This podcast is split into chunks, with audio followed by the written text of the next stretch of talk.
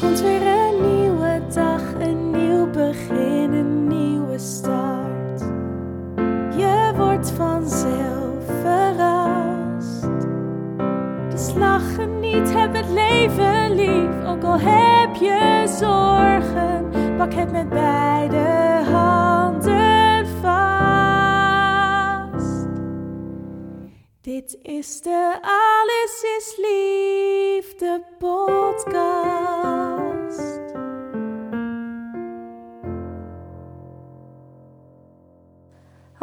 Wat leuk dat je luistert naar de Alles is Liefde podcast. De podcast over liefde, seks en relaties.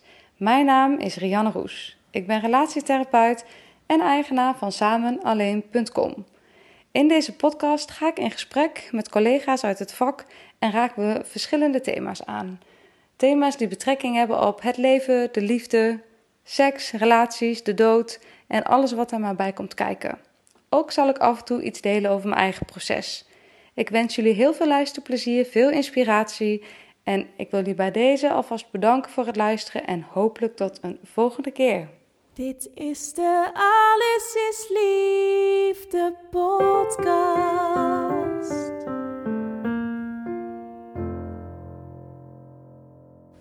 Hey, wat leuk dat je luistert naar weer een nieuwe aflevering van de Alles is Liefde podcast.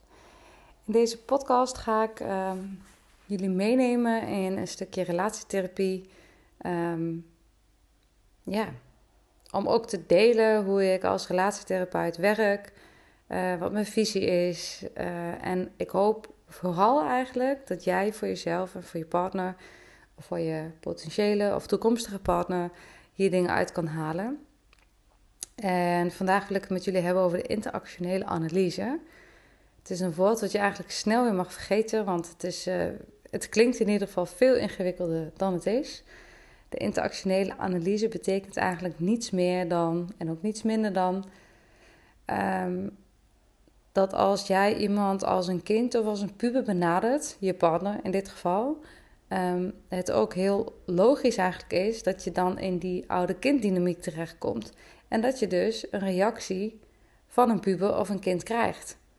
Dus als jij uh, roept, jeetje, hè, kun je nou nooit eens uit jezelf de vaatwasser uitpakken? Of, um, goh, je ziet toch ook dat die hele wasmand vol zit met was. Kun je de wasmachine niet eens aanzetten?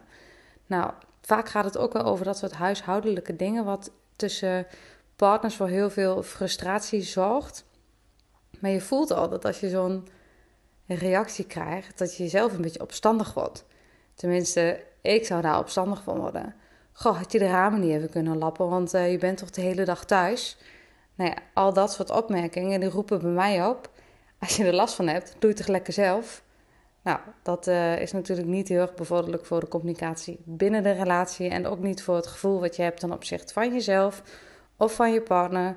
Dus wat ik vooral wil zeggen is op het moment dat jij merkt dat jouw partner zich uh, gedraagt als een opstandige puber, uh, dat je het een reactie van een kind krijgt, dat je echt denkt, nou hallo, kan je niet even normaal doen en ook geneigd bent om in een soort van ouderrol te reageren. Van, dat je zegt, nou, het is toch allemaal niet zoveel moeite en uh, ik moet altijd hetzelfde zeggen. Je doet het nooit tot jezelf. Nou ja, allerlei woorden waar uh, generaliserend in gesproken wordt als altijd, nooit. Uh, als ik het niet doe, doet niemand het. Nou ja, al dat soort teksten, die zorgen natuurlijk voor heel veel ruis ook in de liefde. Ik denk zelf dat het de liefde kan laten afbrokkelen. Dus op het moment dat je dat soort uitspraken van jezelf hoort, of van je partner, en je bent geneigd op een kinderlijke of op, een, op het ouderschapsniveau te reageren, ga dan voor jezelf eens na en bedenk eens: wat maakt dat mijn partner zo reageert? Wat, wat heb ik gedaan waardoor ik zo'n reactie krijg? Want ik geloof er heel erg in dat uh, wat je uitzendt, dat dat ook hetgene is wat je terugkrijgt. En ik snap heus dat er mensen zijn die luisteren en die zeggen: Ja, bij mij is het echt zo. Bij mij, ik moet het echt allemaal zelf doen. Mijn partner is een of andere chaot en als ik de planning niet hanteer, dan uh, komen de kinderen nooit op tijd op school. Het zal. Maar dan nog gaat het wel over hoe communiceer je. Het is echt zo op het moment dat je met je partner communiceert alsof het je kind is, of of het je vader of je moeder is, dan kan je er donder op zeggen dat het in die relatie er niet gezelliger wordt. Niemand wil seks met zijn moeder, niemand wil seks met zijn kind, tenminste ik mocht hopen. Ik weet heus dat het wel zo is, maar uh, dat, zijn, uh, dat is zo'n klein percentage van de hele wereld. Dat is niet de doelgroep tot wie ik me richt in deze podcast. Dus ik neem aan dat je dat even zelf kunt filteren. Um, dus het gaat ook over hoe bereidwillig je bent voor de ander. Um, Astrid Kremers heeft, uh, zij is relatietherapeut, ook een seksuologe, die heeft ook al eens genoemd. Um, want het, is niet erg om te vleien, want vleien verbindt. En het katten en, en het negatief zijn aan elkaar schept een afstand. Het maakt dat je eerder denkt, ja, fuck jou, ik ga het gewoon allemaal niet doen, want ik krijg toch nooit iets terug. En dan ik, zit je eigenlijk alweer vast in de oude kinddynamiek, want dat is precies de gedachte die een puber heeft. Ik ben mijn ouders alleen maar tot last. Ik kan het toch nooit goed doen, dus ik begin er maar niet aan. Sterker nog, pubers hebben zelfs de neiging om het allemaal voor zichzelf te saboteren.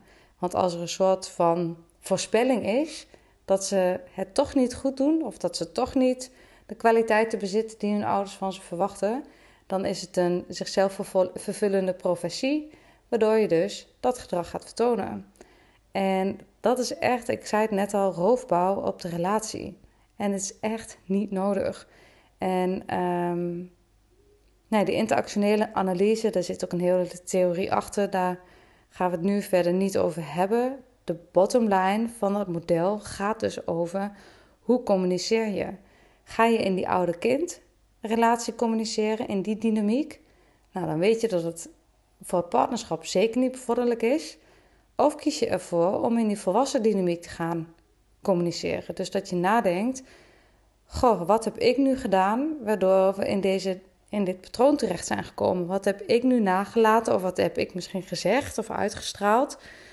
Passief-agressief gedrag is daarvan um, een zeer veel, veel voorkomend fenomeen. Dus dat je um, doet alsof er niks aan de hand is, maar wel net te hard met de deur slaat of net um, te, ja, passief-agressief die vaatwasser dichtdrukt met een diepe zucht. Of, en dan vervolgens, als je partner vraagt, is er iets, alleen maar zeggen: nee, ik, ik doe het gewoon mijn vaatwasser uh, aan. Nou ja, dat soort dingen die uh, belangrijk daarin, en dat vind ik echt het vraag van alle koppels die ik zie, van alle individuen die ik spreek. Ik vraag echt om een stukje zelfreflectie. Ga voor jezelf na. Wat had ik anders kunnen doen? En op het moment dat je voor jezelf weet wat jij anders had kunnen doen, kun je daarover communiceren. En kun je dus uh, laten zien dat je vanuit een helikopterblik naar je eigen gedrag en naar het gedrag van je partner hebt gekeken. We zijn daarin soms geneigd om heel erg beschuldigend met de vinger naar de partner te wijzen. Als jij nou niet dit had gedaan, dan had ik niet zo gereageerd. Is allemaal niet onwaar, maar je hebt er geen invloed op. Tenminste, niet als je niet ook heel kritisch kijkt naar je eigen aandeel in het geheel. En dat is wat ik um, heel erg hoop mee te geven met deze podcast, maar ook met um, ja, in de relatietherapie die ik doe. Kijk naar je eigen, kijk naar je eigen stuk. En wees ook mild naar jezelf. Hè? Het is niet de bedoeling dat je vervolgens jezelf afstraft. Of dat je door het stof moet. Of dat je helemaal in de slachtofferrol gaat zitten. Maar wees gewoon helder in hoe je de dingen hebt aangepakt. En uh, kijk naar jezelf wat je mogelijkheden zijn. Of ga kijken wat, wat maakt dat je ook steeds getriggerd raakt door bepaalde opmerkingen of door bepaald gedrag van je partner. En dan neem je verantwoordelijkheid voor jouw deel van de relatie. En daar heb je, dat is ook het deel waar je dus invloed op uit kan oefenen. Want jij bent degene, jij bent 50% van de relatie. Dus jij, als jij de dingen anders gaat doen, zul je zien dat je partner daarop reageert. Want zo werkt het systemisch nou eenmaal. En het zal heus niet meteen het gewenste resultaat geven, maar het geeft wel beweging. En elke keer is die uitdaging: ga ik in die oude kind-dynamiek communiceren? Of kies ik ervoor om die vertaalslag te maken zonder af te doen aan de inhoud van de boodschap die ik te melden heb? Hoe kan ik dit op het volwassen niveau met mijn partner bespreken? Hoe kan ik op het partnerschap de dingen um, ja, communiceren zodat we als gelijkwaardige geliefden uh, de dingen kunnen oplossen of anders kunnen aanpakken. En daarbij is het echt belangrijk dat je overtuigingen over wat je partner vindt, wat de mogelijkheden van je partner zijn, uh, los te laten. Want anders vul je het alweer in over wat iemand wel of niet zou kunnen. En ik denk dat je daar je partner tekort in doet, want vaak kunnen we meer en kan de ander meer dan we van tevoren denken. Dus even eigenlijk kort samengevat. Als er ruzie is, als er oneenigheid is tussen jou en je partner, en misschien zelfs wel tussen jou en een collega, of nou ja, het kan eigenlijk op allerlei uh, interacties uh, toegepast worden. Maar ik heb het nu even over de partnerrelatie. Als jij merkt dat je steeds in discussies en vervelende ja, energieën terechtkomt onderling, ga voor jezelf eens na.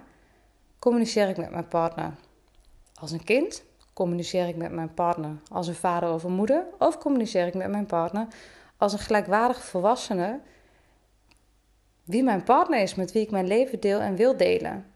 En als het dat laatste is, nou, ik ben alleen maar blij, want dat betekent dat je een heel uh, mooi en open, reflectief gesprek met elkaar kan hebben over de gang van zaken in en rondom het huis en binnen de relatie. En ik snap, dat is gechargeerd, want er zijn ook nog tig andere dingen uh, die mee kunnen spelen en het wel al dan niet goed kunnen communiceren. Maar voor deze podcast hou ik het bij de interactionele analyse. Als je merkt, ik reageer toch als kind, of als vader of als moeder, wees dan kritisch naar jezelf en ga kijken hoe kan ik dat nou veranderen. Of heb het erover met je partner vanuit het volwassen stuk. Dat je zegt, goh joh, ik heb die podcast geluisterd. En wat me opvalt is dat ik misschien toch best vaak als uh, een vader of een moeder naar jou reageer. En dat ik misschien ook wel daarom snap dat ik soms een hakken in het zand reactie van je krijg.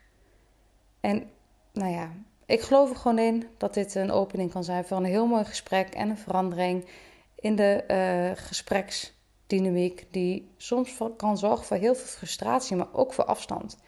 En dat is, we dus, dat is wat we niet graag willen. We willen dat we kunnen verbinden met elkaar.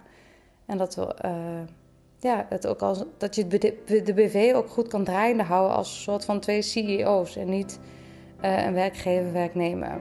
Dus wees daar, wees daar eens kritisch op en ga eens kijken of je er iets mee kan doen.